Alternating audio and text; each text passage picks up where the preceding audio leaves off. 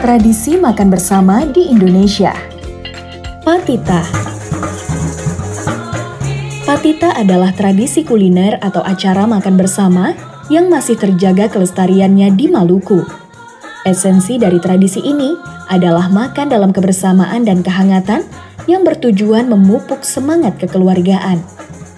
Dalam tradisi ini, orang Maluku menyuguhkan berbagai macam kuliner dan masakan tradisional yang berasal dari daerah mereka masing-masing, seperti kasbi atau singkong, kohu atau urap Maluku, ikan goreng, ikan bakar, ikan kuah, pisang rebus, papeda, colo-colo, sayur-sayuran, dan masih banyak jenis makanan tradisional lainnya. Tradisi makan patita biasanya diadakan pada hari-hari penting seperti ulang tahun tempat ibadah, gereja atau masjid, ulang tahun negeri atau desa, hingga ulang tahun Provinsi Maluku atau kota-kota di Maluku. Acaranya pun biasanya digelar setahun dua kali. Jika dilaksanakan dua kali dalam setahun, setiap tanggal 2 bulan Januari dan bulan Desember dipilih untuk pelaksanaannya.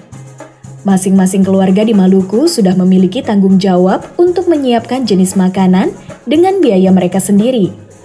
Pada saat waktu pelaksanaan, mereka akan membawa makanan tersebut, tapi sebelumnya harus diawali dengan ritual adat dan doa. Setelah itu, pengunjung boleh memakan semua jenis makanan yang tersedia tanpa dipungut biaya.